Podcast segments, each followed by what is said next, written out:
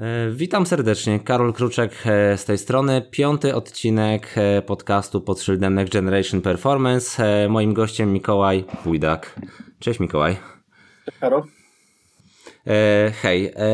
Zaczynam po krótkiej przerwie, wracam z podcastami i zaczynam taki mikrocykl piłkarski. Na pierwszy ogień realia pracy na Wyspach Brytyjskich, głównie z młodzieżą. Eee, dlaczego mówię, że zaczynam mikrocykl? Eee, można powiedzieć, jeżeli chodzi o piłkę nożną. Eee, kolejnym gościem będzie koordynator działu nauki e, w Rakowie Częstochowa, dlatego też, e, e, dlatego też o tym wspominam i od razu zapraszam do mm, odsłuchania kolejnego odcinka, który wyjdzie za trzy tygodnie, bo tak się wstępnie umówiliśmy. Mikołaj, chciałbym się, chciałbym, żebyś się przede wszystkim przedstawił, powiedział co robisz, jak trafiłeś na wyspy, jak wygląda twoja obecna rzeczywistość. Przygotowałem pytania, które ci wysłałem i zaczniemy sobie od razu przechodząc do konkretów. Oddaję ci głos. Okej, okay. cześć wszystkim, e, Mikołaj Pójdak z tej strony. E, na co dzień e, pracuję w Akademii Watford FC z grupą U18, ale jestem odpowiedzialny za koordynowanie, koordynowanie pionu przygotowania muzycznego, jeśli chodzi o całą Akademię, od U9 do U21. No i jeszcze wcześniej pracowałem z zespołem kobiet, pierwszą drużyną i, i także mam doświadczenie przy pracy z, przy pierwszym, pierwszym zespole w, w, tutaj w Watford FC jest także. E, no i jeśli chodzi o, o jakby rozpoczęcie przygody, to wszystko zaczęło się e, w Polsce, e, wtedy kiedy grałem w Lechii Gdański i Warcy Gdynia. No i jakby też możliwość wyjazdu tutaj w międzyczasie w trakcie tego jak grałem i, i też czasów studiów. No i wtedy, kiedy tu przyjechałem, jakby pojawiło się to marzenie, że, że no, chciałbym być częścią tego wszystkiego i, i, i móc dostać szansę, żeby pracować ze sportowcami na tym, na tym wyższym poziomie tutaj właśnie w, w Premier League. E, no i po roku czasu akurat pojawiła się taka opcja wyjazdu właśnie na studia. Wtedy jeszcze jak studiowałem na WF w Gdańsku, e, no jeszcze grałem e, i po roku w sumie znalazłem sposób na to, żeby wyjechać na te studia tutaj do Derby. Zacząłem na uniwersytecie w, w Derby, mój licencjat BSc in, in Sport and Exercise Science. No i tam jakby miałem możliwość zdobycia doświadczenia, jeśli chodzi o te drużyny uniwersyteckie, jeśli chodzi o drużyny rugby, amerykańskiego futbolu, siatkówki, no i lekkie atletyki, też jakby te sporty indywidualne. No i w międzyczasie też jakby kontynuowałem swój staż, staż w Akademii Derby County FC. No i jakby pierwsze swoje kroki, jeśli chodzi o, o tą piłkę na najwyższym poziomie w, w Anglii. No i po jakby po ukończeniu studiów zdecydowałem, że wybiorę się do Londynu i, i podejmę kolejnych wyzwań i tam zacząłem studia na, w London Institute of Sport na kierunku Masters in Sport, Sport and Exercise Science. No i w międzyczasie jakby szukałem też pracy E, w, no, nie tylko w piłce, ale też jakby w innych organizacjach. No i jakby pierwszą organizacją, która do mnie z powrotem wróciła właśnie był, był klub e, Watford. E, no i tam zacząłem, tam zacząłem swoją pracę z pierwszym zespołem kobiet, no i przez to, że się sprawdziłem i jakby też to było poniekąd środowisko takie no półzawodowe, bo, bo co jak co, ale ta drużyna kobiet trenowała wieczorami i, i jakby na, można powiedzieć na pół etatu, jak my to naz nazywamy tutaj w Anglii, part-time.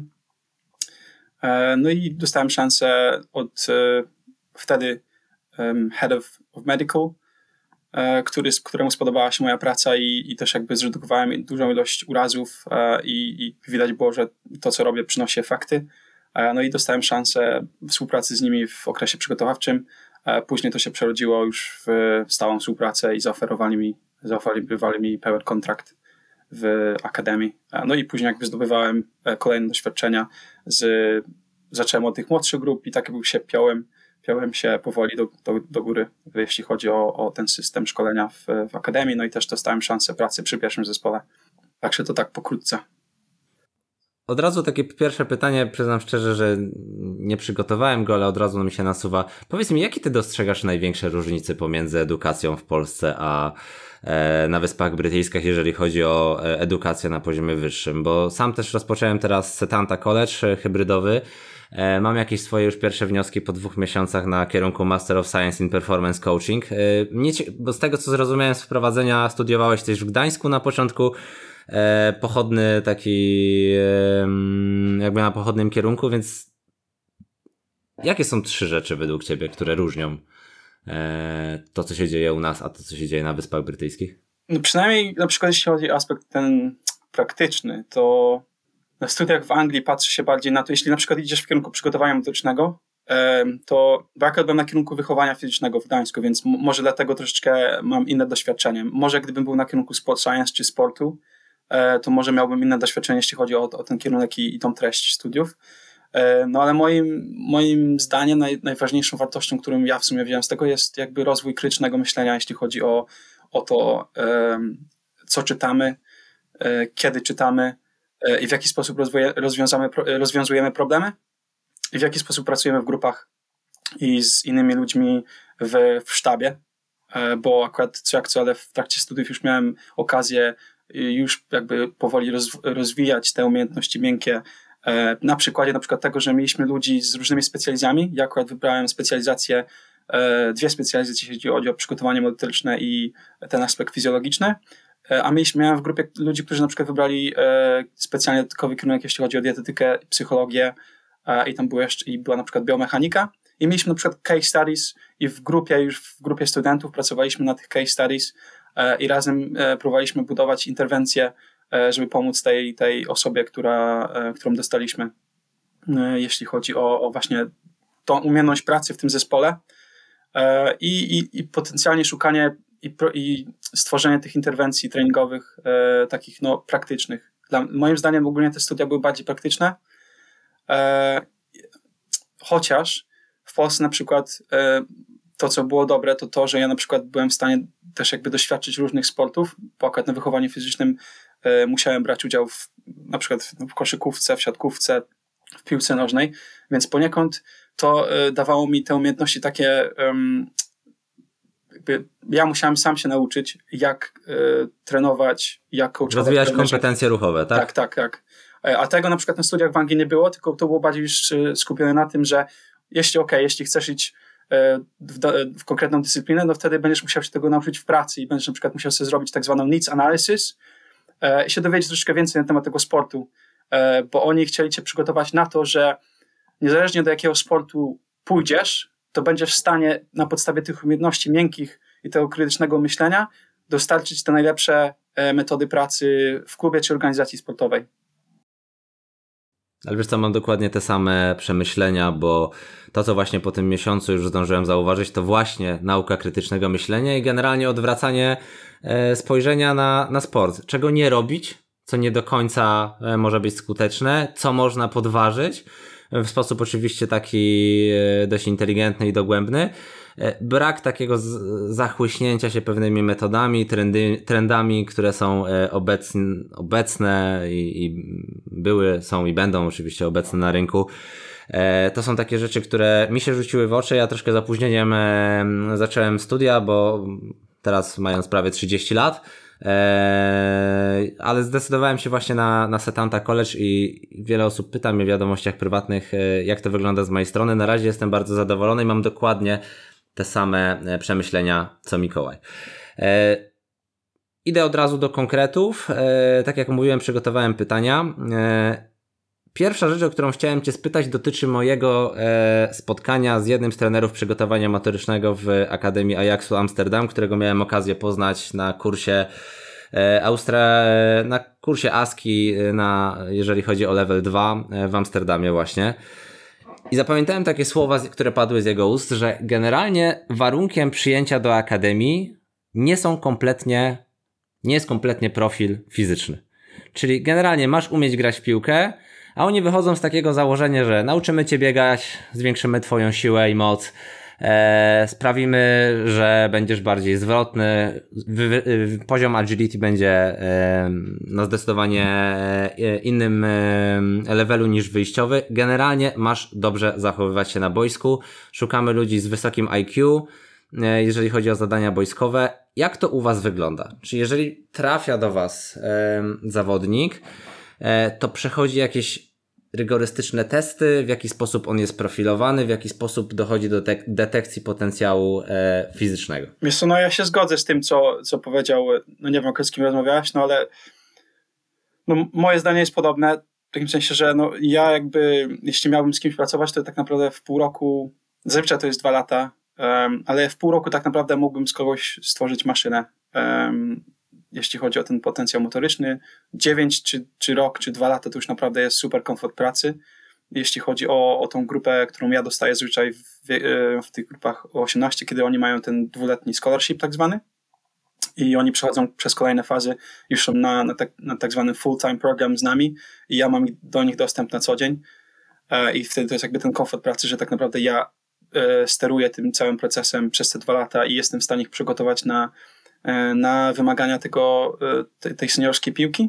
Wiadomo, że zdarzają się przypadki, gdzie na przykład no, ci zawodnicy są nierozwinięci jeszcze, jeśli chodzi o, o ten proces dojrzewania, no i będą potrzebować troszkę więcej czasu niż inni. No ale to jest kwestia tego, że, że my musimy też monitorować i ewentualnie jeśli widzimy, że dana osoba może jest trochę w tyle, jeśli chodzi o ten rozwój i może ten aspekt motoryczny może wpływać na jego grę, no to wtedy po prostu jest kwestia tego, żeby ludzie dookoła nas zrozumieli też to, że, że może jednak damy, jeśli damy mu kolejny rok czy dwa, to może on wystrzeli e, może wystrzeli właśnie w ciągu tych, tego roku czy dwóch. Jeśli chodzi o profilowanie, to my jakby staramy się to robić. E, i mamy ten benchmark, e, jeśli chodzi o różne roczniki.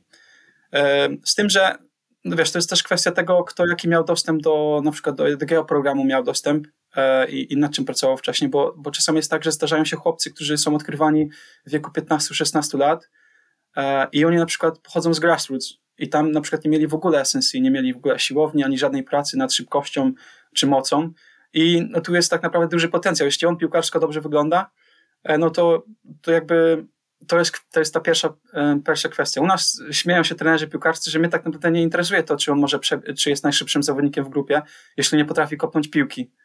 E, no i, i, i taka prawda, bo jeśli ten chłopak przychodzi, e, no i on odstaje poziomem na pierwszym treningu, no to już nie ma sensu nawet robić tych testów fizycznych, bo, bo wiadomo, że nikt go, nikt go do grupy nie będzie chciał włączyć później w treningu i nawet chłopcy u nas w tych starszych grupach po prostu będą do niego wymagać wymagać tego lepszego poziomu i będą po prostu kreować dodatkową presję i on po jakimś czasie sam chyba zrozumie, że nie jest na, na tym poziomie i po prostu odejdzie. I to się często tak zdarzało, że w okresie przygotowawczym, kiedy, kiedy jest ten czas, że więcej zawodników przychodzi, nagle po tygodniu czy dwóch po prostu e, ci chłopacy, którzy przychodzili, zdali sobie sprawę, że nie są na tym poziomie.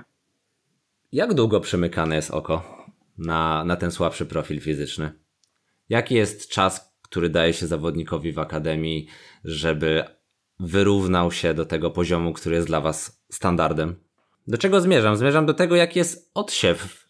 To zależy od akademii i procesu rekrutacji zawodników, bo my akurat mamy w, w Londynie dość y, duże pole talentu, ale tak samo y, jest tak zwany duży competition, jeśli chodzi o tych zawodników, bo mamy y, obok next door mamy Arsenal, mamy niedaleko też Tottenham, mamy Chelsea, mamy, no, mamy no, Charlton, mamy West Ham. No jest, w Londynie jest ogólnie 30 klubów, które tak naprawdę, jeśli spojrzysz od Premier League, Championship, League One, League Two, e, które potencjalnie konkurują z nami, jeśli chodzi o, o ten talent. I, I to jest tak, że no, my nie jesteśmy jakby czołową akademią, jeśli chodzi o, o, o ten, te środowisko angielskie, bo też jakby mamy status kategorii 2, jeśli chodzi o te statusy kategorii w, w Anglii. E, no i to jest też jakby kwestia tego, jaki talent do nas przychodzi. No i chyba, że na przykład wypromujemy sobie zawodników przez, e, przez nasz od, U9 do góry i to się w ostatnich latach zdarzało. Mieliśmy, e, mieliśmy kilku zawodników, którzy po prostu w wyniku tego, że wykonaliśmy dobrą pracę jako MDT razem z trenerami piłkarskimi, po prostu dostawali oferty z lepszych klubów jak Chelsea, Tottenham, Liverpool, Arsenal i po prostu przechodzili tam bo e, co jak co, ale w tym wieku też PDP no, poniekąd mają też lepsze warunki, bo grają z lepszymi, lepszymi e, zespołami w kategorii 1, e, które mają po prostu dostęp do lepszych rzeczy i to też nie tylko finansowo, ale też jeśli chodzi o kwestie specjalistów, mają po prostu większą ilość staffu, lepsze, lepsze facilities i, i to jest po prostu na troszkę wyższym poziomie niż, niż nasza akademia.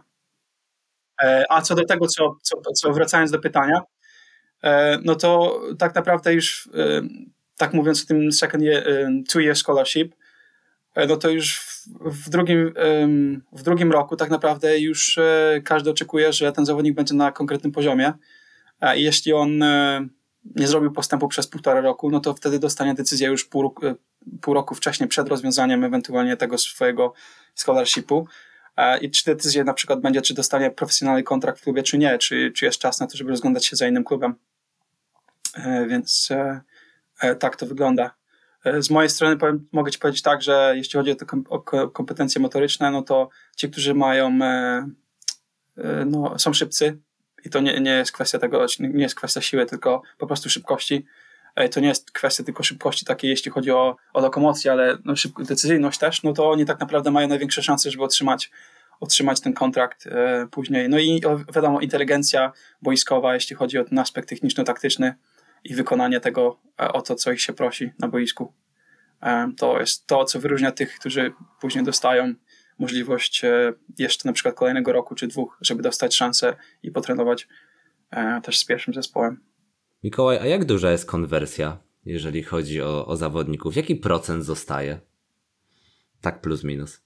Jeśli chodzi o, o naszą akademię, czy w ogóle zostaje wdrożonych do pierwszego zespołu, bo mogę ci podać statystyki. Z... Jeżeli chodzi o nawet, nawet nie chodzi o, pierwszego, chodzi o pierwszy zespół, tylko domniemam, że jest pula zawodników, która, są na, która jest na tym scholarshipie i po, tych, po tym roku, czy po tych dwóch latach pada decyzja, czy oni będą częścią e, akademii, tak? Dobrze no tak, zrozumiałem? to, wiesz, to zależy od, e, od rocznika, bo na przykład może być tak, że w danym roczniku na przykład e, tylko dwóch, trzech zawodników z całego zespołu, no, nie wiem, 15, 16 czy 18 zostanie tylko od 3 do 5 po prostu kwestia jest tego, że albo się nadajesz, albo nie nadajesz w tym okresie i e, jeśli mamy ci zaoferować profesjonalny kontrakt, to w ogóle czy jest, czy jest jakaś cień nadziei, że ty rzeczywiście w ciągu roku czy dwóch zostaniesz, e, czy jesteś na takim poziomie nawet, żeby przejść do, do pierwszego zespołu, czy trenować z nimi.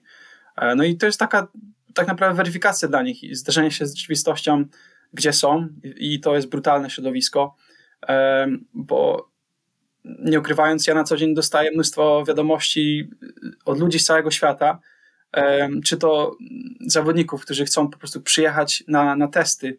I, i to, jak ilo, jak, jaka jest ilość zawodników, którzy po prostu chcą do nas przyjechać, żeby się przetestować, jest naprawdę niesamowite. I z tym się nie spotkałem tak naprawdę nigdzie. Są ludzie, którzy przyjechać chcą na staż, są ludzie, którzy chcą pracować.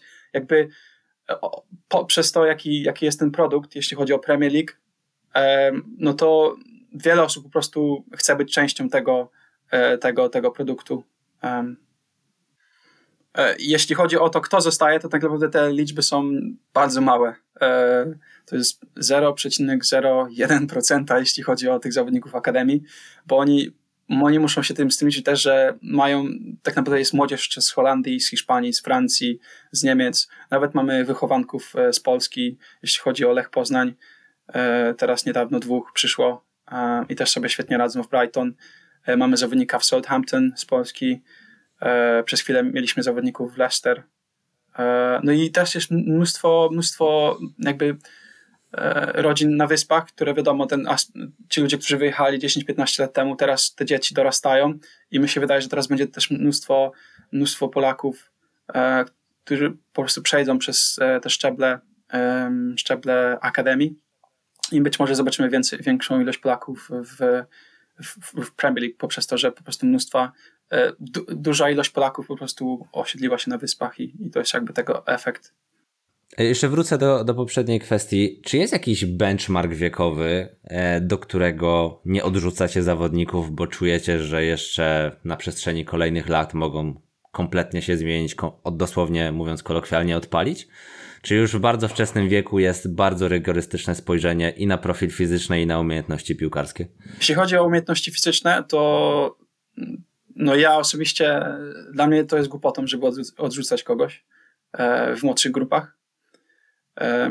Zwłaszcza, że to może się drastycznie zmienić e, w ciągu roku albo dwóch, e, nawet po tym okresie pokwitaniowym. Ten, ten aspekt techniczno-taktyczny, to na przykład zawodnicy dostają feedback od trenerów tak naprawdę co pół roku i ci, którzy nie robią postępu, jeśli chodzi o ten postęp piłkarski, tak naprawdę no, nawet mogą, wiesz, dostać rok czy dwa lata i później okazuje się, że już w, w ciągu dwóch lat na przykład klub się z nimi żegna i przyjmuje nowych zawodników, których znaleźli i zrekrutowali e, z, z lokalnie. E, także to jest niestety brutalne i czasami młody chłopak w wieku 10 czy 12 lat dostaje decyzję na koniec sezonu, że słuchaj, nie jesteśmy zadowoleni z ciebie, musisz poszukać e, sobie klubu, ale będziemy cię obserwować i może w wieku, nie wiem, 14, 15 czy 16 lat do nas wrócisz. I, i takie są przypadki, że chłopacy wracali, po prostu musieli troszeczkę ciężej popracować gdzieś inny, w innym środowisku, bo nie byli nie byli na, tych, jakby no, na tym poziomie, który, który był wymagany.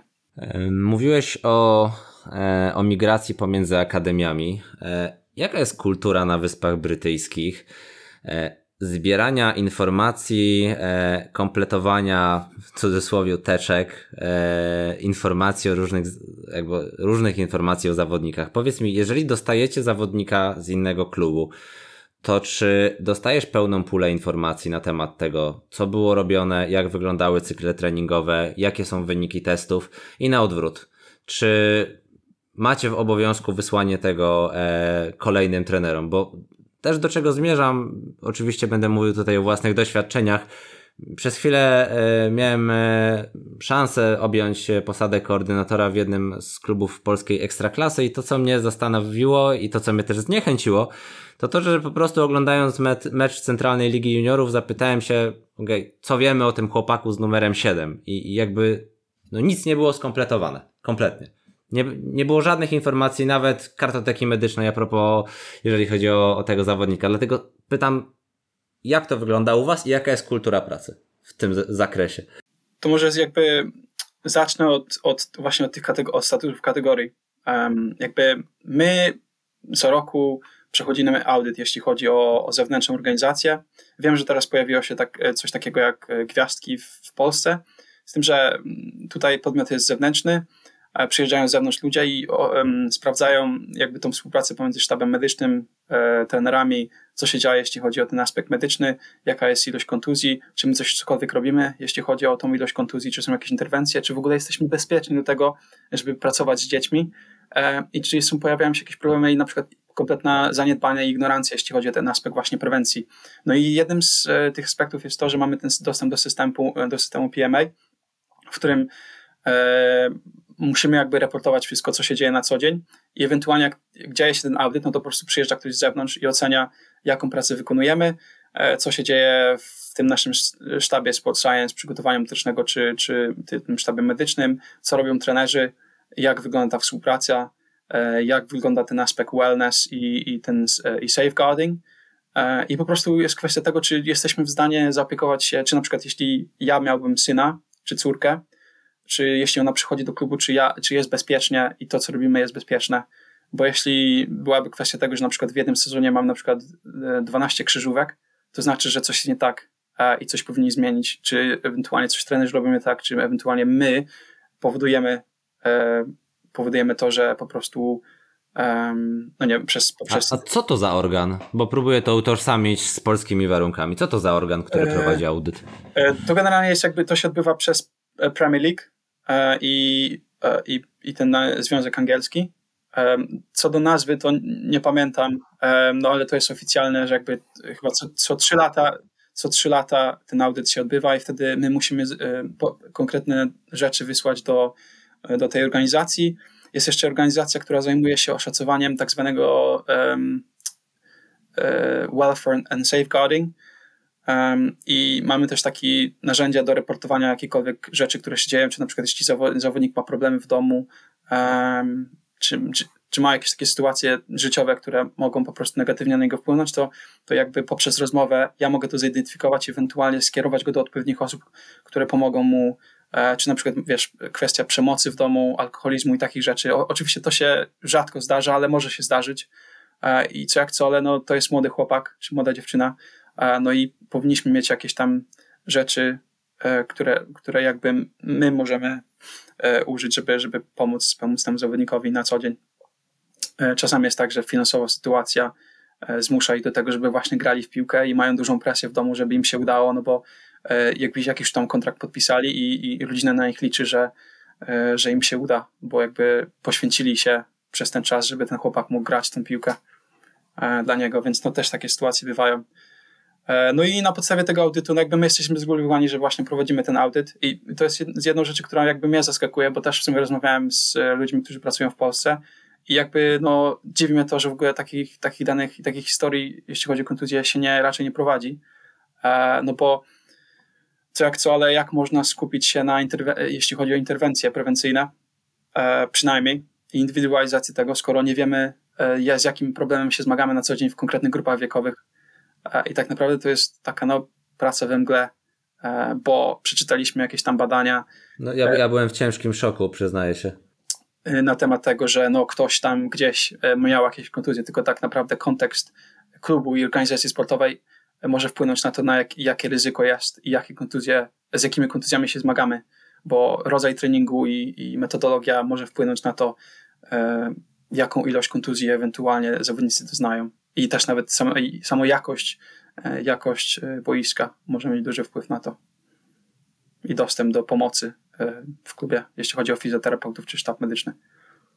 A jak właśnie to wygląda od tej strony migracji zawodników? Jak trafia do Was zawodnik z innego klubu w wieku 13, 14, 15 lat, to rzeczywiście inne kluby brytyjskie, też z niższej klasy rozgrywkowej, mają tą kulturę zbierania e, danych i dzielenia się tym? No to już jest, e, no to już jest ciężka sprawa, bo w tych na przykład w klubach kategorii 3, czy tam może niżej, czy nawet grassroots, tak naprawdę tej historii nie ma w ogóle. Po prostu zawodnik gra sobie w piłkę E, bo tam nie ma wymogu, żeby takie rzeczy były, bo wiadomo, to jest kwestia też finansowa, gdzie wtedy trzeba zatrudnić dodatkową osobę, czy na przykład fizjoterapeutę, czy doktora, a niestety takie kluby raczej na to nie są w stanie sobie e, pozwolić.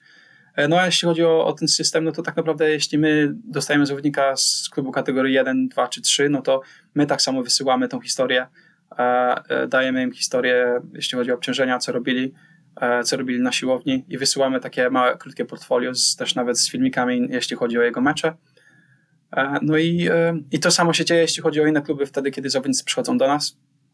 Ogólnie na wstępie też my nie pozwolimy zawodnikowi trenować, dopóki nie wypełni takiej formy, nie, nie, nie dowiemy się na jego temat kilku informacji, zanim on w ogóle wyjdzie na boisko. Czyli on też jakby ma assessment z lekarzem, z fizjoterapeutą na wstępie, i dopiero po tym, e, jeśli uznamy, że wszystko jest bezpieczne, e, to on e, z takiego punktu też prawnego, bo jeśli by wyszedł na boisko i coś mu się stało, no to tak naprawdę może się później sądzić z klubem o jakieś tam odszkodowanie, więc my tak naprawdę jesteśmy zobligowani tego, żeby, żeby sprawdzić wszystko, a poniekąd, no jeśli chodzi o aspekt tej rekrutacji, więc jeśli ktoś ma kontuzję, a mielibyśmy go podpisać i on by na przykład chował się z tym, no to później my możemy mieć problem, bo będziemy musieli się tym zawodnikiem zająć, bo podpisaliśmy go.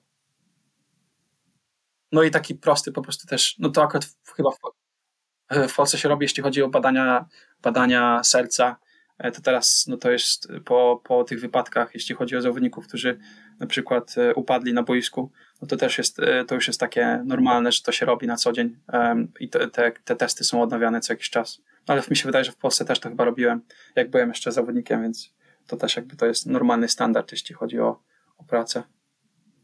Mikołaj, koordynujesz e, działania całej Akademii. E, ile trenerów przygotowania motorycznych, e, motorycznego nadzorujesz w tym momencie w swojej jest, Akademii? Jest nas, Jaka jest kadra? Jest nas trzech, plus mamy jeszcze w sumie to z trzech stażystów, no i nade mną jest jeszcze Head of Performance, jeśli chodzi o Akademię. E, no i jakby są, są też ludzie, którzy współpracują z nami, czyli mamy dietetyka, e, jeśli chodzi o ten szerszy zespół MDT. E, mamy mamy oczywiście fizjos i jakby ja współpracuję też z fizjo i, z, i, z, i z, z, ze sztabem analizy i z, i z doktorem, jeśli chodzi o konkretne urazy czy interwencje takie. Jak wygląda proces decyzyjny? Jak wygląda implementacja różnych metod, systemów pracy, jeżeli chodzi o trenerów przygotowania motorycznego? Na co trzeba konsultować e, z Head of SNC, Lead e, Strength and Conditioning Coach? E, I na, jakby to pytanie prowadzi również do tego, o co chcę zapytać za chwilkę. Na ile to wszystko sprzężone jest z filozofią klubu, jeżeli chodzi o organizację piłkarską? Na ile to jest sprzężone z e, periodyzacją taktyczną? E, na ile wy jako sztab e, przygotowania fizycznego musicie i chcecie oczywiście konsultować te rzeczy z trenerami piłkarskimi, żeby dostać jasny feedback, ok, od tego wieku rzeczywiście będziemy realizować filozofię gry Watford i chcemy zbudować do tego odpowiedni profil fizyczny. Co do jakby młodszych grup, jakby my dzielimy się, dzielimy nasz program na Foundation Phase, Youth Development Phase, czyli YDP i PDP, czyli Professional Development Phase. No i jak sama nazwa wskazuje, Foundation Phase po prostu budowa jakby podstaw e, i tam jeśli chodzi o godziny treningów, jakby to, to jest bardzo mała też ilość i to nie jest bardzo takie, to jest raczej kwestia form zabawy, multisport, i takiego ogólnego rozwoju, co coś, kiedy, no coś takiego, coś w rodzaju no, tak naprawdę zajęć wychowania fizycznego i jakby do budowania podstaw, jeśli chodzi o skoczność, szybkość, moc, siłę, raczej takie wzorce ruchowe, jakość wzorców ruchowych i takich rzeczy, ale poprzez zabawę, żeby po prostu wcześniej nie zniechęcić zawodnika do, do przygotowania fizycznego. E, no i wiadomo, później z czasem to się bardziej robi ustrukturyzowane, E, jest większa struktura, jeśli chodzi i większa częstotliwość, jeśli chodzi o te zajęcia. E, bo wiadomo, co jak co, ale e, ci młodzi chłopcy są jeszcze w szkołach i, i też jakby mają dostęp do innych rzeczy, nie tylko do tego, co my robimy tutaj w klubie piłkarskim, więc to jest jakby tak, zaczynamy od bardzo od ogółu do bardziej takiego e, bardziej takiego zindywidualizowanego podejścia już w tej fazie PDP. E, co do co do takiego tak naprawdę tej fazy, gdzie już zaczynamy myśleć o tym, w jaki sposób chcemy grać, no to tak naprawdę e, to jest ta faza no, YDP w wieku tak 15-16 lat, e, gdzie już przygotowujemy ich do tego, żeby no, powoli byli gotowi na przejście z programu taki, tak zwanego na, na, na pół etat, czy na part-time, bo oni nie są w klubie na co dzień, na ten full-time program, który jest jakby przeskokiem e, poniekąd, jeśli chodzi o obciążenia treningowe. E, no i to, co się dzieje z nimi, e, bo mają dostęp do, do nas na co dzień, do, do dietetyka, do fizjoterapeuty, do doktora, do trenera przygotowania medycznego, do, do samego trenera, jeśli chodzi o, o ten aspekt rozwoju techniczno-taktycznego. E, I mają, e, mają jakby proces edukacji e, zorganizowany wokół treningów i, i też jakby mają więcej te planowanie i, i to, co wprowadzamy jest bardziej zorganizowane wokół jednostki niż, niż, niż jakby drużyny i takie bardziej ogólne. To jeszcze wrócę do tego pytania. Na ile elastycznie trener motoryczny podejmuje decyzje bez konsultacji ze swoim koordynatorem? Powiedz mi, jak to wygląda. Czy to są stricte, stricte narzucone rozwiązania odgórne, czy jest tam jednak mimo wszystko space do mm, pewnego rodzaju wdrażania własnych elementów? Nie, no myślę, że ogólnie mają jakby akademii jest elastyka, jeśli chodzi o to, co e, dana osoba może zrobić, dlatego że no, nawet jeśli na przykład załóżmy, ja bym był osobą, która ma jakieś, met jakieś metody, która chciałaby użyć, a ktoś mi z góry powiedział, że słuchaj, nie, masz robić to tak i tak, no to po jakimś czasie bym się zniechęcił i pewnie e, miałbym dosyć w ogóle pracy w takiej organizacji czy klubie. Jasne, Więc pytam mamy ramy, w których chcemy pracować. Mamy właśnie framework, w, którym, w ramach którego pracujemy, czyli jeśli to jest kwestia pracy nad przyspieszeniach, na przyspieszeniu, czy szybkości, czy mocy e, i siły, to po prostu jest kwestia tego, że e, jest to, co musi być zrobione, ale teraz kwestia tego, w jaki sposób to zostanie zrobione, zależna jest od trenera przygotowania muzycznego, który pracuje w danych grupach wiekowych e, i on ma już jakby, to jest, to jest jego zadaniem, żeby on dostosował odpowiednie metody, żeby ten chłopak po prostu zbudował te podstawy, jeśli chodzi o, o siłę, moc, szybkość, przyspieszenie, żebym ja już mógł przejść do bardziej zaawansowanych metod potencjalnie w, w tym wieku 17, 18 czy, czy 19, 20, 21. Jeśli ktoś przychodzi z zewnątrz, no to wiadomo, wtedy robimy ten, e, e, sprawdzamy go w tej, też, e, w tej baterii testów.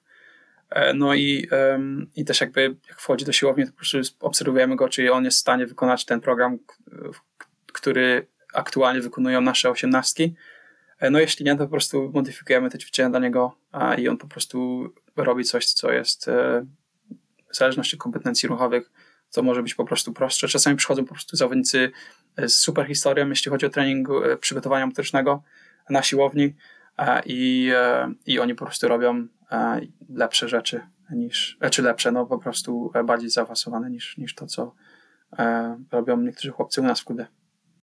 Przejdźmy sobie płynnie do tematu e, zarządzania ryzykiem urazu.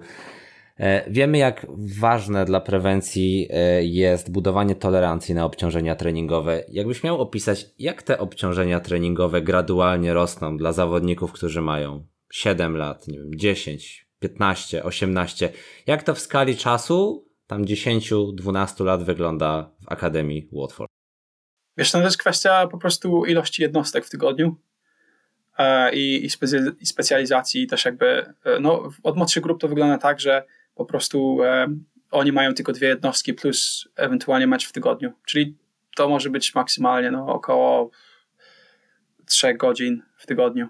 E, I my jesteśmy ogromnymi fanami tego, żeby chłopcy robili coś poza, poza tym, co się dzieje w klubie, czyli jeśli na przykład mają dodatkowe zajęcia z gimnastyki, lekkie czy na przykład mają jakieś inne zainteresowania, to jak najbardziej jesteśmy za tym, żeby po prostu nie specjalizowali się tylko w piłce nożnej, tylko po prostu rozwijali swój potencjał też w, w innych dyscyplinach E, bo szczerze mówiąc, później taki chłopak, który przychodzi, on sobie nawet lepiej radzi e, właśnie e, grając nawet piłkę nożną poprzez, tych rozwój, poprzez rozwój tych różnych kompetencji.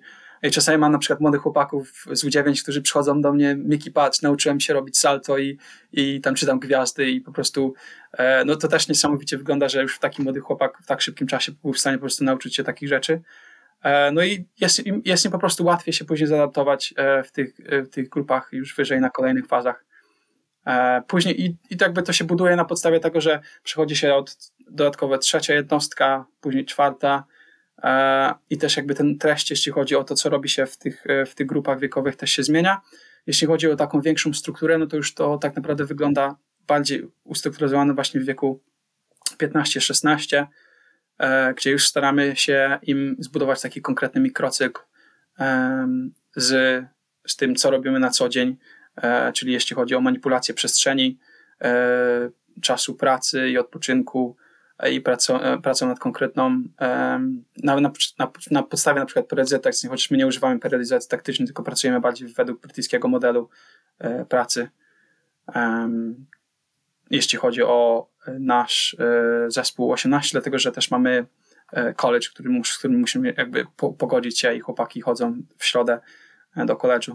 Chociaż moim zdaniem to nie jest złe, bo nawet kiedy pojawia się ten mecz drugi w tygodniu, no to zazwyczaj jest to wtorek, środa.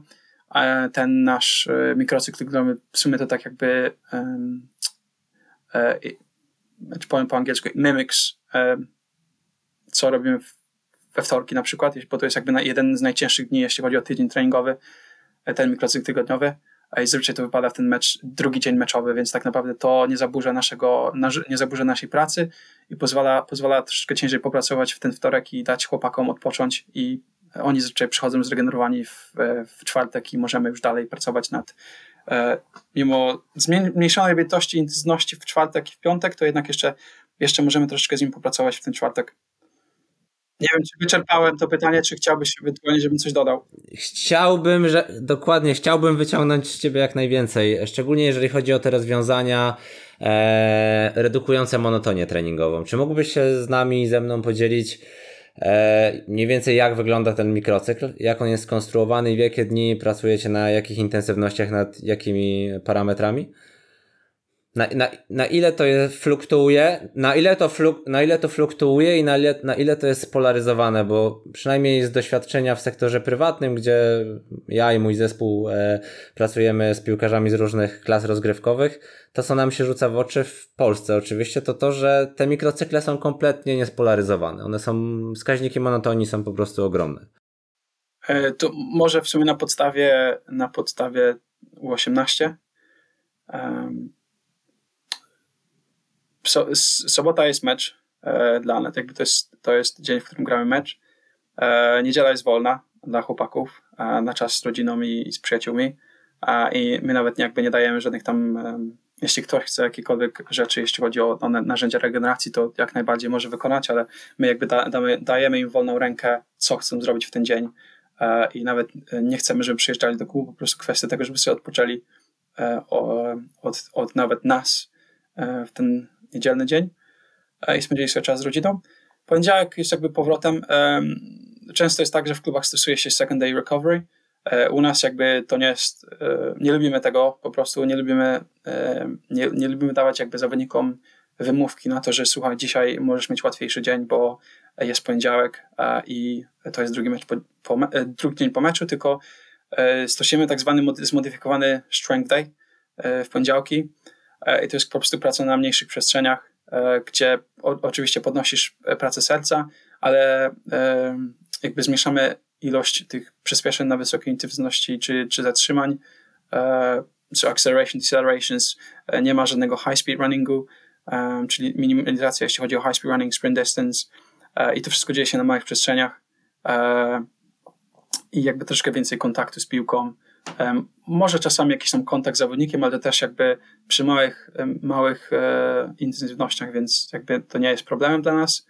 E, no i wtedy, jeśli chodzi o aspekt e, pozaboiskowy, no to wtedy zazwyczaj pracujemy nad górnymi partiami, czyli upper body, hypertrophy, i troszkę większa ilość powtórzeń, żeby dać nogom odpocząć jeszcze po meczu. E, jako, że wtorek jest naszym najcięższym dniem, więc chcemy, żeby po prostu byli gotowi na to, co się będzie działo e, we wtorek.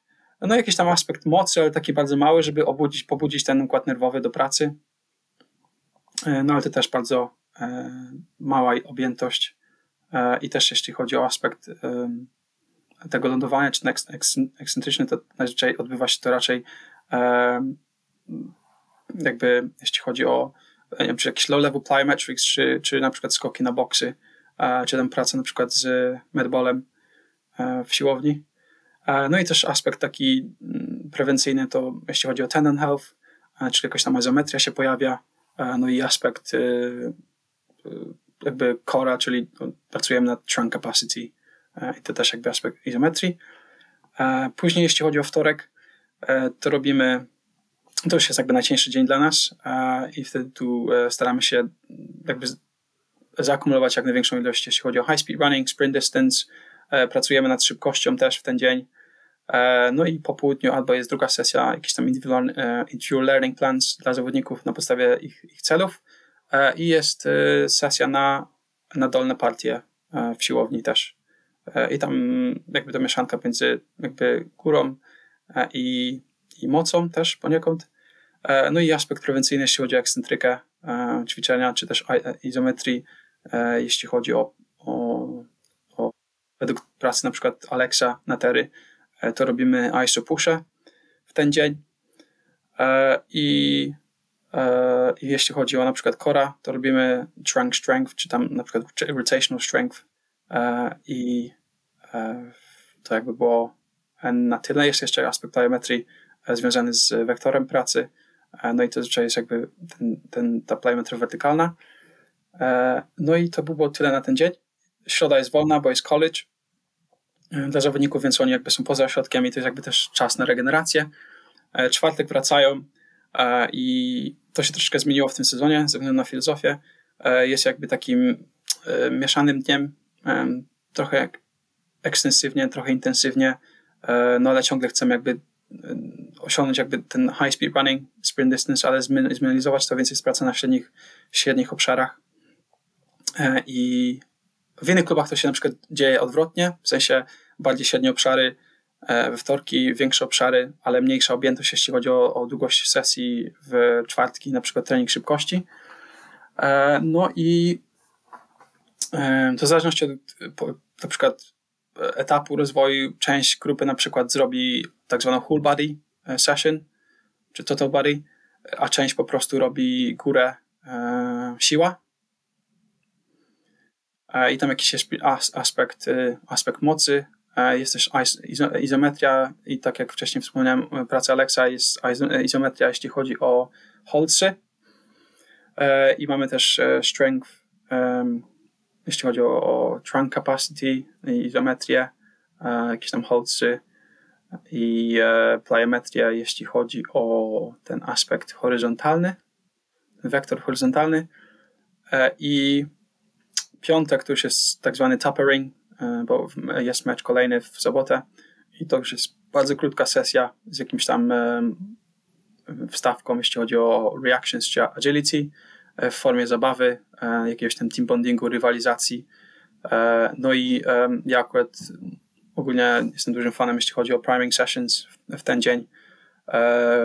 Gdybym miał jeszcze możliwość, to bym zrobił ogólnie trochę tak jakby siłę, ale bardziej moc ten dzień. E, no ale jakby czasowo, czasowo nie mamy tej możliwości. E, I, e, i ogólnie robimy tylko taką wstawkę 15-20 metrową, jeśli chodzi o priming. W ten piątek przed sesją treningową i muszę powiedzieć, że ogólnie zawodnicy świetnie wyglądają po tym w rozgrzewce i później w sesji, jeśli chodzi o ten nawet ten, bo to jest sesja dość krótka, bo 45 minut do 60, czasami 75. Jeśli trzeba pracować, popracować trochę e, taktycznie, to wtedy tak mamy dodatkowe 15-20 minut na walkthroughs. E, I to jest jakby też praca na mniejszych, mniejszych, e, mniejszych przestrzeniach, ale czasami się zdarzy, że, że te, te przestrzenie są większe w zależności od tego, jaki um, cel taktyczny e, trener, um, na co trener chce się przygotować też, jak, jeśli chodzi o sobotę. Więc e, często jest tak, że to jest mała przestrzeń, e, a czasami jest po prostu 11 na 11, e, ale po prostu krótka wstawka w piątek. E, I e, tak to wygląda na przestrzeni e, mikrocyklu. Jeśli chodzi o to, co się dzieje w trakcie sezonu, to my staramy się to utrzymywać na dość wysokim poziomie non-stop. Zmienne, jakby zmiana E, mamy jakby co 6 tygodni taki tydzień, w którym e, po prostu jest deload week i, i wtedy zmniejszamy objętość, ale intensywność pozostaje ta sama. E, I czasami jest tak, jeśli na przykład nie mam meczu, to wtedy staramy się dać chłopakom wolny weekend, żeby po prostu odpoczęli sobie po załóżmy tym sześciotygodniowym mezocyklu i, i odpoczęli sobie i zregenerowali się i, i wrócili do nas i i grali dalej na tym samym poziomie. Wiem, że są kluby, które manipulują to e, na przestrzeni e, czterech czy sześciu tygodni, jeśli chodzi o nawet. Znaczy, my, my staramy się też, też to manipulować na podstawie tego, jaki, jaka jest odpowiedź zawodników, na podstawie tego, jak monitorujemy ich, ale jest tak, że po tym, jak zbudujemy sobie tą objętość, to już po prostu staramy się to utrzymywać na tym poziomie, e, żeby, żeby po prostu jakby dla nas nie, zmęczenie nie jest jakby problemem, dlatego że chłopak e, w akademii jest, jest tam, żeby się rozwinąć i potencjalnie dostać szansę w pierwszym zespole. Więc jeśli ja bym miał go ograniczać, czy zmniejszać jego obciążenie tylko po to, żeby, żeby był świeży, e, no to jakby no okej, okay, no ale do czego go przygotowujemy, bo tak naprawdę on, on on poniekąd się uwstecznia. A jeśli chodzi o ten system pracy, to tak naprawdę no, muszę powiedzieć, że to działa, no bo czas treningowy jest odpowiedni, zawodnicy dostają odpowiednią ilość, e, e, znaczy trenerzy dostają odpowiednią czasu na trening, żeby zrobić to, co potrzebują zrobić z zawodnikiem, żeby go rozwinąć. My dostajemy odpowiednią ilość czasu na siłowni e, i oni też po tym 6 tygodniach tak naprawdę dostają odpowiednią ilość czasu, żeby się zregenerować i, i, i teraz ten aspekt motoryczny, przynajmniej poprzez monitoring, widać, że się poprawia intensywność jest wyższa i nie mamy problemu, jeśli chodzi o kontuzję, więc e, jakby moim zdaniem w tym, w tym kontekście, jeśli chodzi o, o nasz klub, to działa. Ale nie miałbym problemu z tym, żeby ewentualnie spróbować, tak jak widziałem to e, na przykład na podstawie chyba Ajaxu też, e, jeśli chodzi o peryodizację i manipulację czasem pracy, jeśli chodzi o aspekt małych, średnich i dużych gier. I to jest na przykład narzędzie, które my wykorzystujemy na przykład w młodszych rodzinach, gdzie, gdzie dostępu do GPU nie ma, ale jest e, możliwość po prostu manipulacji tego czasu pracy e, i, i, i periodizacji tego na przestrzeni tych czterech czy sześciu tygodni. Dziękuję Ci serdecznie za tak wyczerpującą odpowiedź. Jeszcze chciałbym dopytać Ciebie, wrócić do jednej rzeczy. Dobra, Mikołaj, bo e, jest to obiekt moich zainteresowań w ostatnim czasie. Poświęcam temu sporo uwagi. Wyprzedziłeś troszeczkę moje kolejne pytanie. Jak wyglądają te strategie primingowe u Was w klubie dokładnie? Chciałbym się, że zagłębić to w trochę bardziej szczegółowy sposób. Czy próbowaliście robić to w ten sam dzień? Dlaczego podjęliście decyzję, że jednak jest to piątek? Jaki charakter mają te sesje? I czy stosujecie jeszcze jakieś narzędzia primingowe stricte przed meczem albo nawet w połowie, pomiędzy pierwszą a drugą połową? Ja ogólnie stosowałem to w czwartek, z tym, że znaczy no ja nie, ogólnie stosując to w czwartek e, robiłem to dlatego, że miałem wtedy dostęp do e, bo jakby mamy dwie siłownie, mamy siłownię, która jest stricte jakby, znaczy może nie siłownię pierwszego zespołu, ale jakby wiadomo, pierwszy zespół ma pierwszeństwo, dlatego że e, jeśli pierwszy zespół sobie nie, nie, radzi, to my możemy mieć problemy finansowe, kwestie się, nie takie, że będziemy mieli e, problemy finansowe, ale wiadomo, jeśli klub gra w Premier League, to gra w Premier League, jeśli gra w Championship, to gra w Championship, więc zarobki dla klubu są mniejsze, więc to jest ten aspekt biznesu. I co jak co, ale teraz nasz pierwszy zespół chce wrócić do, do, do Premier League, e, no i e, jakby oni, jeśli wymagają tego, żeby mieć dostęp do siłowni, no to to jest jakby pierwszeństwo. E, no ale wtedy jakby dostęp był troszeczkę lepszy, dlatego że byli w Premier League i, ten terminarz wyglądał troszeczkę inaczej. No ale zdecydowałem się też na piątek, dlatego że ogólnie widziałem, że ten efekt tego, ten primingowy jest lepszy. No i nie mogę powiedzieć, że, to mierzyłem, bo tak naprawdę to jest kwestia tego GPS-u. Jedynie co to jest kwestia tego, jak chłopacy wyglądają w ten dzień meczowy. E, I co do strategii, które w sumie chciałbym wykorzystać i pewnie bym wykorzystał, gdyby taka była możliwość, ale w tej chwili siłownia jest u nas oddalona i trzeba przejść 15, e, sorry, 5 do 10 e, minut do tak zwanego balona, gdzie tam mamy tą, tą siłownię, którą możemy sobie wykorzystać w soboty przed meczem. No i niestety to nie jest, e, że tak powiem, logistycznie to nie jest dobre rozwiązanie, dlatego że no, zawodnikom zajmuje czas, żeby w ogóle przejść tam, później wrócić. Ja jeszcze muszę kilka rzeczy zorganizować w ten dzień meczowy i, i jakby czasowo to po prostu nam się w tej chwili nie udaje, ale od przyszłego sezonu czy nawet w tym sezonie mamy mieć dostęp do siłowni obok, obok szatni. E, no i to już będzie kwestia tego, że po prostu chłopaki sobie przychodzą co 10-15 minut, zrobią dwa czy trzy ćwiczenia primingowe i po prostu są już gotowi na mecz i e, po, śniadaniu, po śniadaniu ja po prostu mogę też sobie później wrócić ze swoich obowiązków e, i nie muszę jakby czekać na kogoś, bo wiadomo co jak co, ale ja mogę na przykład powiedzieć, że chłopaki mają przyjść o tym czasie, no ale co jak co, to jest, to jest też jakby pewne rozwiązanie logistyczne, które no, w tej chwili nie pozwala nam to robić w sobotę. Ja bym był jak najbardziej za tym, żeby to robić i w piątek, i w sobotę, ale jeśli chodzi o treść, e, to, to bym trochę to zróżnicował. Okej, okay, a czy macie jakieś rutyny pomeczowe, sesje wyrównawcze, tak zwane Q4, z, mówiąc slangiem koszykarskim? Yy, nie, bo yy, jakby my pracę, którą wykonujemy, robimy w tygodniu yy, i chyba że zawodnik na przykład przez dłuższy czas e, nie grywał lub wraca po kontuzji, to wtedy na przykład jeszcze zostaje w sobotę na sesję dodatkową, jeśli chodzi o dół, e, żeby pracować ze mną albo z fizjo. A tak to generalnie wszyscy wykonują to, co mieli wykonać w tygodniu, więc nie ma jakby potrzeby, jeśli chodzi o ten aspekt ekscentryki, żeby to robić w sobotę. Wiem, że są fani tego, żeby to robić. ogólnie w okresie przygotowawczym to robimy, tak? E, dlatego że objętości meczowe i treningowe, znaczy objętości, jeśli chodzi o, o, o mecze, są małe jeszcze, na początku przynajmniej, bo my staramy się chłopaków wdrażać dopiero e, w ten czas meczowy, tak załóżmy od 30-45 minut budować to do 60-90, więc jeszcze na początku okresu przygotowawczego mamy możliwość wprowadzenia jeszcze dodatkowej jednostki na siłowni. I zazwyczaj robimy w okresie przygotowawczym tam trzy jednostki na dół, trzy jednostki na górę, przez tak pierwsze 3-4 tygodnie, a później to już e, zmniejszamy objętość i, i pracujemy na większych intensywnościach. Mikołaj, off topic. Czy Akademia Watford pozwala zawodnikom pracować z trenerami zewnętrznymi?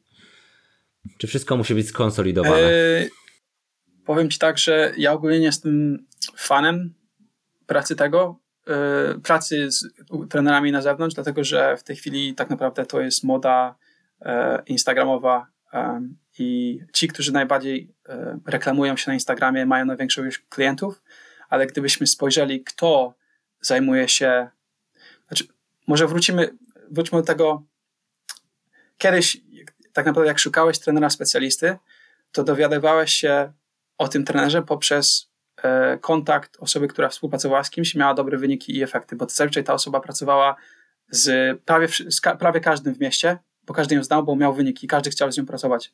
Teraz jest tak, że poprzez social media tak naprawdę e, znane są osoby bardziej, które e, robią więcej kontentu i i filmików niż osoby, które tak naprawdę znają się. No bo ja na przykład nie mam czasu, znaczy nie chcę mówić, że jakby e, pozjadałem każde rozumy, ale nie mam czasu aż takiego, żeby na co dzień e, nie wiem, film, nawet no nie mogę tego robić, żeby filmować się i promować się i, i, e, i, i promować swoje produkty. Po prostu jestem skupiony na grupie, z którą pracuję i zawodnikami, których mam w klubie.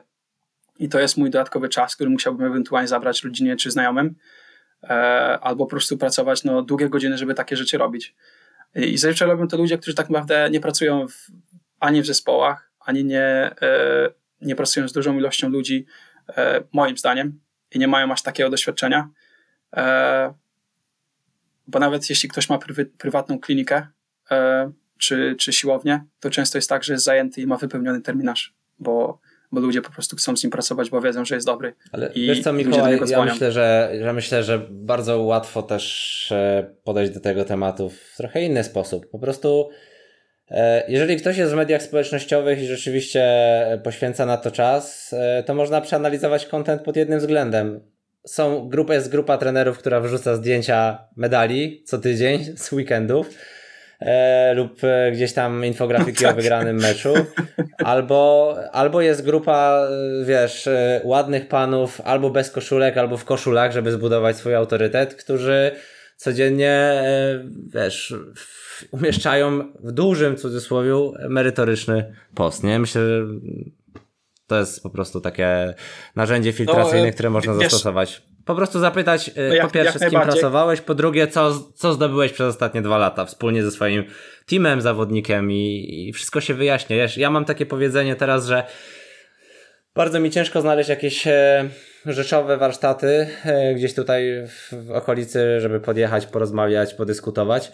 Ja mam takie zdanie, że ja po prostu nie chodzę na szkolenia do osób, które nie dysponują swoimi danymi, tylko muszą posiłkować się danymi innych osób, e, co bardzo ładnie ubiera się w słowo popularyzacja wiedzy.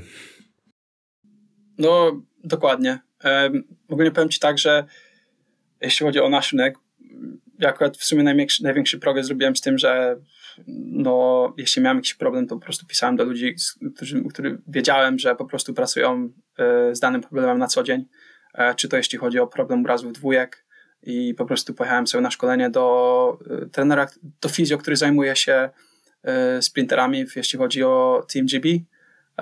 No i powiem Ci tak, że nagle z tego, jak myślałem, że ja wiem ogólnie jak zarządzać się optymalizacją procesu rehabilitacji, czy nawet y, minimalizacją, to nagle okazało się, że tak naprawdę nie wiem nic, a ten typek po prostu sypał mi y, nie dość, że badaniami tak z palca i autorami i po prostu rozmawiał na ten temat, tak jakby z tych wszystkich ludzi znał, bo on y, po prostu, to jest jego problem i to on za to dostaje pieniądze, żeby w ogóle z takim problemem się zapobiec takim problemom, a raz, że po prostu ma różne interesujące case'y i, i on to przeżył my zazwyczaj w piłce po prostu mamy konkretne cases, z którymi się zajmujemy.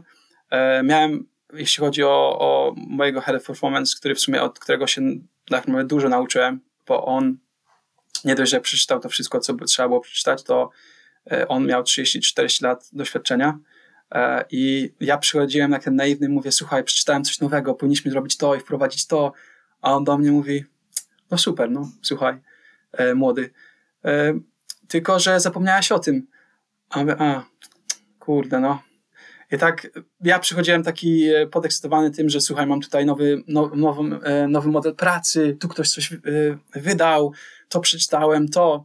I on ogólnie podzielał mój entuzjazm i dowiedział się czegoś też ode mnie, o tych, o, jeśli chodzi o te nowe inter, interwencje, bo już jakby on nie miał aż takiego czasu, żeby czytać, ale y, podobało mu się to, że jakby, jakby byłem na co, na, na, na co dzień z tym, co się dzieje dookoła no ale on, on był w stanie jakby wytłumaczyć to wszystko z praktycznego punktu widzenia, jeśli chodzi o anatomię, e, fizjologię, e, fizykę czy biomechanikę.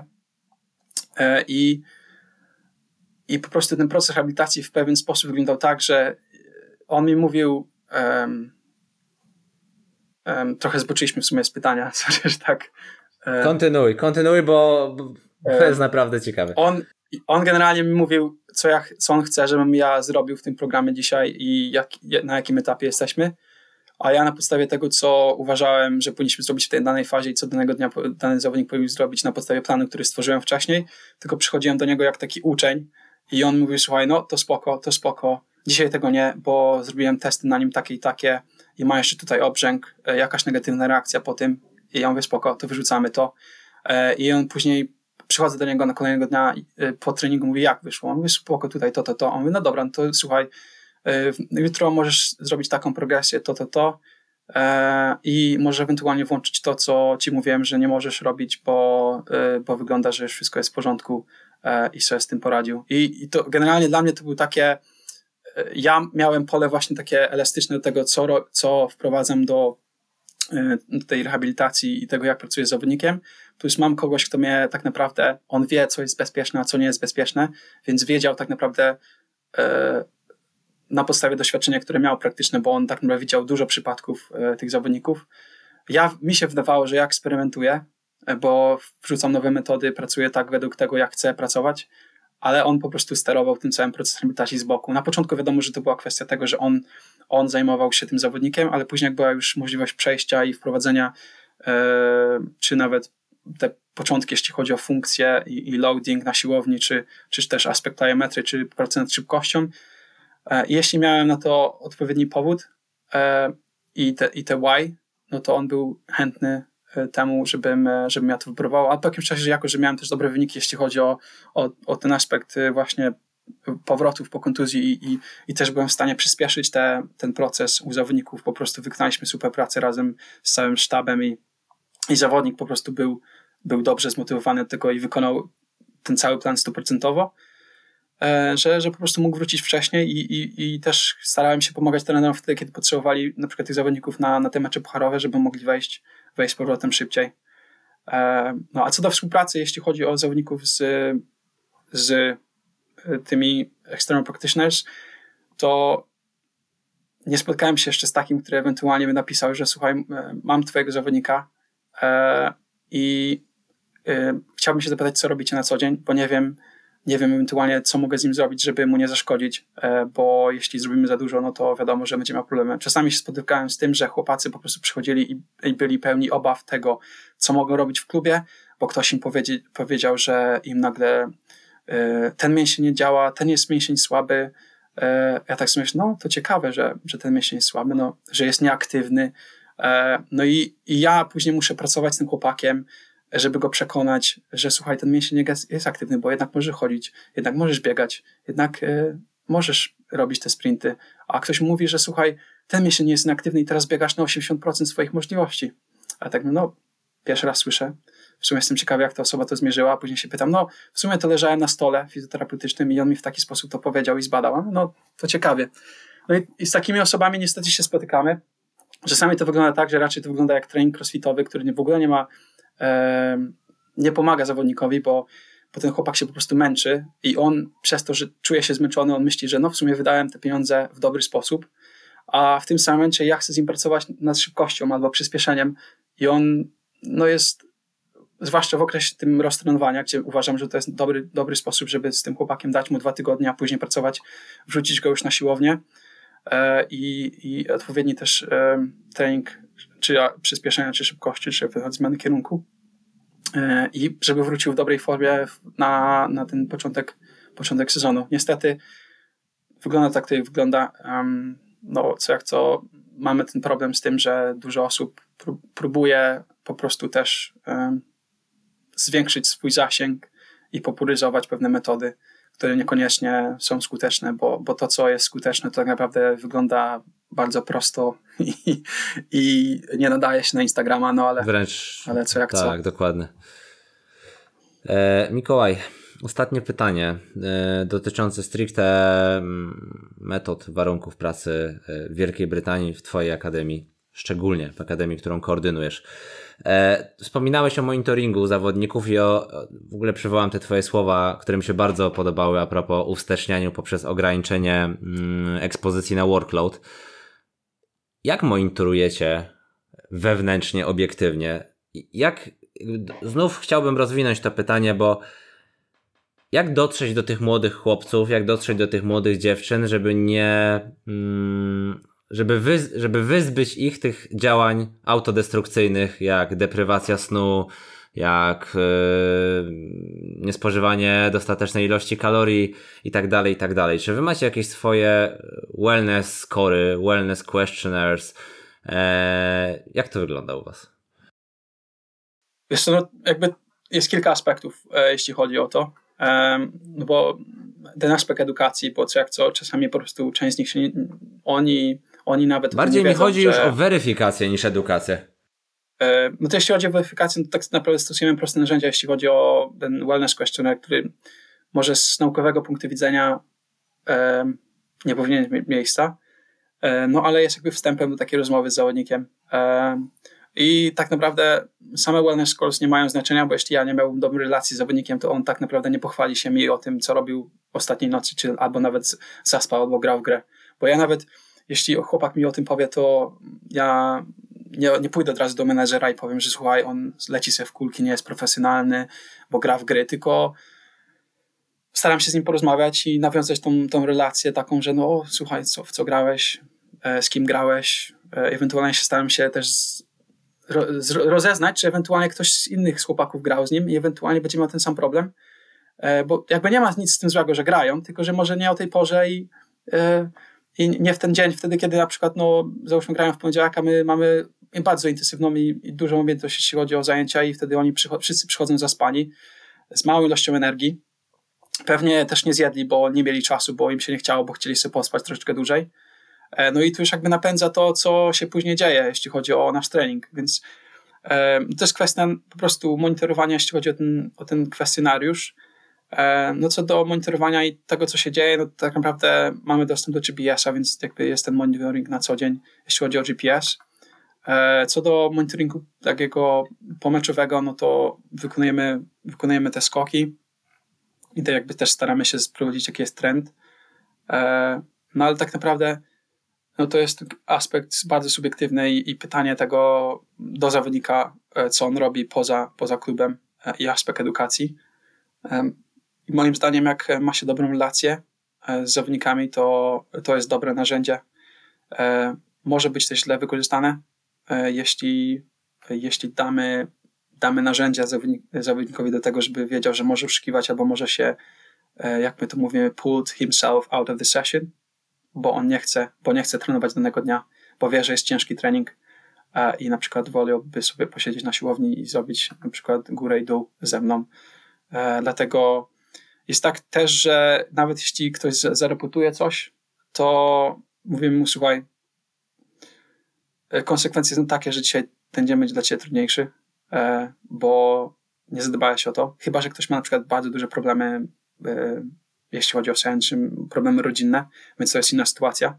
Ale jeśli ktoś na przykład grał w gry i mieliśmy takie sytuacje, że po prostu ktoś do mnie przychodzi i mówi, słuchaj, ja nie wiem, czy dzisiaj mogę trenować, bo poszedłem spać o drugiej, trzeciej, pograłem z chłopakami, a mówię, no słuchaj, no świetnie, no ale mm, dzisiaj jest y, sesja intensywna i trenerzy jak się o tym dowiedzą, to wiesz, że będziesz miał przerąbane.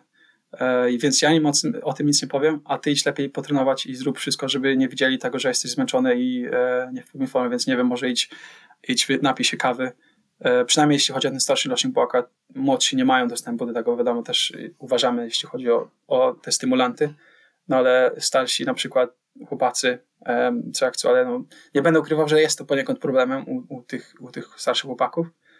E, no ale jest to bardzo subiektywne i, i to już jest kwestia ich profesjonalizmu i tego, czy chcą zostać tymi piłkarzami, czy po prostu no, wolą grać w gry i nie przespać nocy, ale poprzez to, że e, my im też jakby nie damy, dajemy możliwości tego, że, że oni nie mogą trenować, znaczy mogą sobie pozwolić na to, że nie będą trenować, to oni wiedzą, że jeśli oni e, nie wyśpią się, to po prostu będzie to dla nich e, bardzo ciężki dzień. I w okresie przygotowawczym jest tak, że jako, że mamy dwie sesje treningowe, to nikt sobie na to nie pozwala, żeby po prostu nie pójść spać e, i, i nie zjeść dobrze, bo wiedzą, że po prostu będą umierać później, bo bo po prostu ten, ten, ten, ten trening czy ten, ten okres przygotowawczy jest bardzo ciężki dla, dla każdego. A nawet poprzez to, że jest ciężki, po prostu oni sami idą spać i tak od razu po obiedzie, później się budzą na kolejny posiłek, na jakiś tam idą na tego napa i po tym posiłku i tak idą z powrotem odpoczywać. E, więc um, sami o to dbają, bo wiedzą, że jest to ciężki okres. Mikołaj, na koniec pytanie e, takie bardziej prywatne i to też nawiązanie do mojej e, poprzedniej rozmowy z odcinku, z tego co pamiętam, trzeciego z Amitem, gdzie rozmawialiśmy o tym, że trenerzy bardzo rzadko i w ogóle nie lubią rozmawiać o, o swoich błędach. Na jakich błędach swoich ty się nauczyłeś najwięcej? Powiedz mi. Jakbyś miał tak przytoczyć, pierwsza myśl, która przychodzi ci do głowy, co tak na dobrą sprawę spieprzyłeś w swoim życiu? Może mi się wydaje raczej o um, ogólnie właśnie te dyskusje na forum. Czy ja ogólnie mam z tym problem, żeby powiedzieć się na dany temat, ale kiedyś mi się wydawało, że wiem wszystko e, i byłem tego bardzo pewny i wtedy tak naprawdę opinia inna niż moja e, była złą opinią. E, była atakiem wręcz. Tak naprawdę ataką, I była wręcz atakiem. E, I też może brak umiejętności takiej dyskusji zdrowej, E, tylko po prostu atakowanie ludzi niepotrzebnie, e, po prostu udowodnienie im tego, że nie mają racji poprzez właśnie badania, które czytałem. Ale ja zapominałem o tym, że tak naprawdę, jeśli chodzi o moje doświadczenie praktyczne, to tak naprawdę jest żadne. E, te, te 5 czy 6 lat temu i bardzo skromne. I no ja się wypowiadałem na podstawie badań naukowych, a nie na podstawie tego, właśnie tego porównania tego, co się dzieje w badaniach naukowych i, i tego, co się dzieje na co dzień w klubie. I no trzeba sobie szczerze powiedzieć, po prostu... że jest ogromna dziura, tak? Pomiędzy sport science a performance coaching, nie? E, często te badania są po prostu słabej jakości, często są nadinterpretowane. To jest, e, to jest między innymi moja rozmowa właśnie z Janem Jeffreysem albo z Williamem Hennessy, nie? Że jakby naprawdę no, te prace są czasami, a nawet nie czasami, tylko w większości słabej jakości. Wyciągamy wnioski z rzeczy, z których nie powinniśmy wyciągać wniosków. No, dokładnie, dokładnie.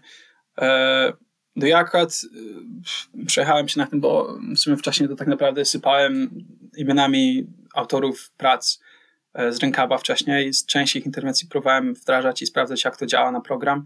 Okazało się, że to w żaden sposób nie wpływa pozytywnie. Mnóstwo tych osób jest ekspertami w dziedzinie sport science, czy nawet sprzedaje szkolenia. No i ja wewnętrznie wiem, że to, o czym mówią, jest bullshitem, no ale bo sprawdziłem to sobie, prze, przetestowałem to w swoich grupach. Może rzeczywiście działa to w jakimś kontekście, e, no ale w tym kontekście, w którym ja pracowałem, e, nie działa. I osobiście wolę sobie porozmawiać z osobą, która ma naprawdę spore doświadczenie. E, I to nie jest kwestia, że ja ignoruję science czy naukę samą w sobie, tylko moim zdaniem to, czym jest nauka dla innych, i to, czym jest nauka w tej chwili, jeśli chodzi o może perspektywę osób, które po prostu czytają badania. Moim zdaniem po prostu nauka jest obserwacją tego, co robisz na co dzień, wprowadzeniem interwencji, badania tego, testowania e, i później wyciąganiem wniosków, a nie um, ślepo um, jakby powielaniem tego, co było, na, kto, ktoś napisał i wywnioskował w dyskusji albo na podstawie danych, które ktoś tu miał w jakiejś populacji, która tak naprawdę, z którą ja nie, nie pracuję i ona ma E, zero wspólnego z tym, w jaki sposób ja mogę ewentualnie te interwencje stosować w swojej grupie. E, I bardzo, bardzo mnie to zastanawia, dlaczego e, i miałem taką akurat wymianę z kimś wcześniej na temat tego, że a pokaż, pokaż badania, które mi mówią, że, że powinniśmy w taki sposób. A mnie zastanawia, dlaczego, dlaczego ja na przykład nie mogę przedstawić danych własnych, które mam, swoich danych i powiedzieć mu, że case'y są takie, które które są. I nie mam, nie mam badań opublikowanych, bo nie mam czasu na to, żeby publikować to. E, I może nawet nie chcę, bo, bo mnie to nie interesuje. Ale ktoś mówi, że ta nauka, którą ja robię na co dzień i obserwacja, jest niczemu warta od jakichś tam clinical studies czy badań bardzo kontrolowanych, bo te badania kontrolowane, ok, są kontrolowane, ale tak naprawdę w prawdziwym środowisku to nie ma w ogóle racji bytu, bo jest tyle zmiennych, które, o których trzeba pomyśleć, plus jeszcze są preferencje zawodników, plus jeszcze jest stres związany z tym, co się dzieje danego dnia. E, czasami trzeba zaadaptować e, sesję do tego, co się, e, do czego ma się dostęp, czasami trzeba coś zmienić i, i, i takie rzeczy w praktyce naprawdę się nie dzieją. W praktyce jakby, w, jeśli chodzi o te badania kliniczne, czy takie bardziej kontrolowane, to nie ma nic wspólnego z rzeczywistością, moim zdaniem, i nie ma przełożenia na to, co się dzieje w tym właśnie high performance sport. Zwłaszcza, że na przykład te badania często są na grupie studentów, a grupa studentów nie jest tak samo, nie jest na takim samym poziomie jak na przykład moi zawodnicy w klubie, z którymi pracuję. Po prostu oni trenują od dziecka i ten progres, jeśli chodzi o to, I to można nawet zobaczyć, jak czasami gramy z drużynami na, na innym poziomie, że, ten, że ta różnica, jeśli chodzi o ten poziom, jest po prostu niesamowity, jeśli chodzi o to, co, to, co robią na boisku i, i ten aspekt motoryczny. I nie ukrywam też, że w sumie tak mi się teraz przypomniało, że pierwszą różnicą, z którą się zderzyłem, jak tu przyjechałem, to była objętość treningu. E, I to było dla mnie takie, no przecież oni nie trenują odpowiednio, że to jest za krótkie, to jest, objętości są za małe, ale jak spojrzałem na chłopaków, jak intensywnie trenują, jak szybko biegają, e, no i jakimi są maszynami, to sobie myślałem, no kurde, no coś jednak w tym musi być. Mimo tego, że ja miałem przekonanie, bo ja zawsze jako zawodnik musiałem, e, no nie wiem, no, trenować dwa razy, trzy razy dziennie, a teraz po prostu zdaję sobie sprawę z tego, że to po prostu zabijało, zabijało intensywność e, w treningu. I jeśli chodzi o monotonię treningów, o tym, co rozmawialiśmy, Mikołaj, muszę cię pociągnąć za, muszę cię pociągnąć za język jeszcze a propos tej poprzedniej rzeczy. Jaka jest najbardziej niespecyficzna odpowiedź treningowa, którą doświadczyłeś u grupy czy u zawodnika, która zmusiła cię, może nie zmusiła, tylko która w jakiś sposób też pokazała ci po raz kolejny, że takie, takie ślepe zapatrzenie się na te kwestie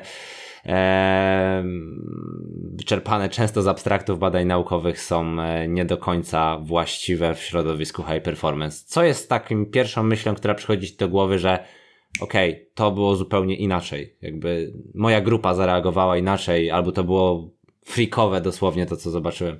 Jeśli chodzi o negatywny skutek, czy pozytywny skutek?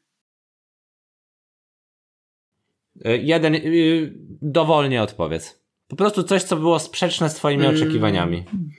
Wiesz co, y, nie chcę w sumie wałkować tego tematu, ale w sumie y, y, temat Nordików jest dość duży, jeśli chodzi o środowisko piłkarskie e, i powiem ci tak, że no miałem grupy, w których ani jednego Nordika nie zrobiłem i jeśli chodzi o szybkość, w sumie to zawodnicy się poprawili e, i to też na, naprawdę na w skali roku o 10-15% e, i to ze względu na różne interwencje. Jeśli chodzi o urazowość, e, to żadna. E, no i, i śmieję się, jak ktoś mi mówi, że słuchaj, jak nie zastosujesz tej interwencji, to generalnie spodziewaj się, że będziesz miał problemy. My akurat monitorujemy, jeśli chodzi o, o te Essential Strength Levels, jeśli chodzi o Nordics, to robimy te testy, to, ale to w ramach takiej na przykład pomocy przy powrotach, przy kontuzji, E, i to nam jakby to nam pomaga też przy monitoringu, bo czasami jeśli, chodzi, jeśli jest ten tak zwany congested schedule, e, jeśli chodzi o dużą ilość meczów, to czasami to spada e, i też jeśli są jakieś asymetrie, to po prostu możemy sprawdzić, czy, czy wszystko jest ok u zawodników. Ale jeśli chodzi o jakąś interwencję, to tak naprawdę no jak ktoś nie chce mi tego robić, no to ja nie będę z nim walczył, żeby on wykonał każde ćwiczenie, które ja chcę, żeby on zrobił w programie, bo ci chłopcy też mają swój własny rozum i, i są in, i różne metody i różne ćwiczenia, które ja mogę zastosować w, w trakcie tego mikrocyklu treningowego, żeby, żeby on miał taki sam efekt. E, no i ja osobiście e, jakby to otworzyło moje oczy na to, że i poprzez pracę z trenerami z Hiszpanii czy Włoch e, czy innych krajów, e, poprzez obserwację tych, tych, tych filozofii e, z pierwszej drużyny, i powiem Ci tak, że co przyjdzie trener, to jest inna filozofia E, i, i naprawdę e, nie ma to znaczenia, jeśli chodzi o, o content. E, I oni się bronią wynikami i bronią się tym, że jest mniejsza urazowość też. Więc tak naprawdę to było takie czymś, co mnie otworzyło oczy wtedy przy rozmowach z trenerami, bo też miałem akurat kwestie takie, że na, na początku byłem strasznie uparty do tego, co chciałem robić w mikrocyklu, jeśli chodzi o zawodników, ale niestety czasami zdarzałem się że tak powiem, z idiotyzmem trenera głównego, e, który nie, niekoniecznie miał dobrą edukację, jeśli chodzi o ten aspekt y, y, zasad i, i periodyzacji treningu. E, no ale muszę też powiedzieć, że kontuzji żadnych nie było, więc mimo tego, że może nie stosowaliśmy jakichś tam konkretnych metod, e, odpowiednich według tego, co się mówi, co jest odpowiednie, czy powinno się stosować w tym świecie naukowym, to i tak problemów nie miał. Zawodnicy byli zdrowi, dobrze grali i, i, i sukcesy przynosili, także no jakby nie ma jednego złotego środka co do tego, w jaki sposób się pracuje. Takie, takie są moje spostrzeżenia. Ogólnie jeśli chodzi o optymalizację treningu, to strasznie mi się podoba ta filozofia hiszpańska. Moim zdaniem oni są, oni są mocni, jeśli chodzi o to. I wykorzystanie właśnie manipulacji przestrzeni e, w różnych środkach z piłką i też jakby optymalizacji tego przygotowania z piłką. E, jeśli chodzi o ten trening na siłowni, no to um, jeśli chodzi o tą jakby mix tej, tej bo tak naprawdę to, to, co się dzieje na rynku brytyjskim, to jest ten mix tej nauki z Ameryki, Australii i, i jakby różnych, różnych e, e, innych krajów też, bo jakby tu mamy dostęp do, do mieszanki ludzi, którzy przyjeżdżają, chcą tu pracować.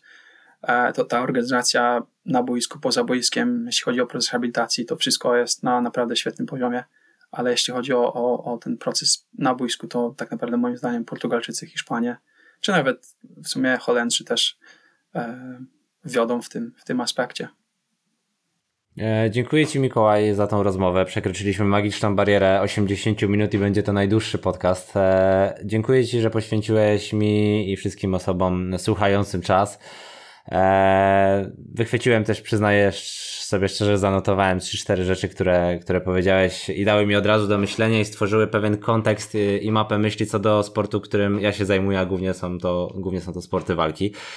E, myślę, że wyszła z tego naprawdę fajna rozmowa, bo jestem osobą, która jest kompletnie niezwiązana z piłką nożną, e, ale słuchając Ciebie i śledząc się od już w sumie paru lat na mediach społecznościowych, publikujesz rzadko, ale jak już publikujesz to konkretnie, e, to myślę, że pracujemy w bardzo podobny sposób i myślimy bardzo, bardzo podobnie. Dziękuję Ci jeszcze raz serdecznie i mam nadzieję do usłyszenia i zobaczenia. Także jeśli ktoś chciałby ewentualnie rozwinąć dyskusję, to, to zapraszam na priv.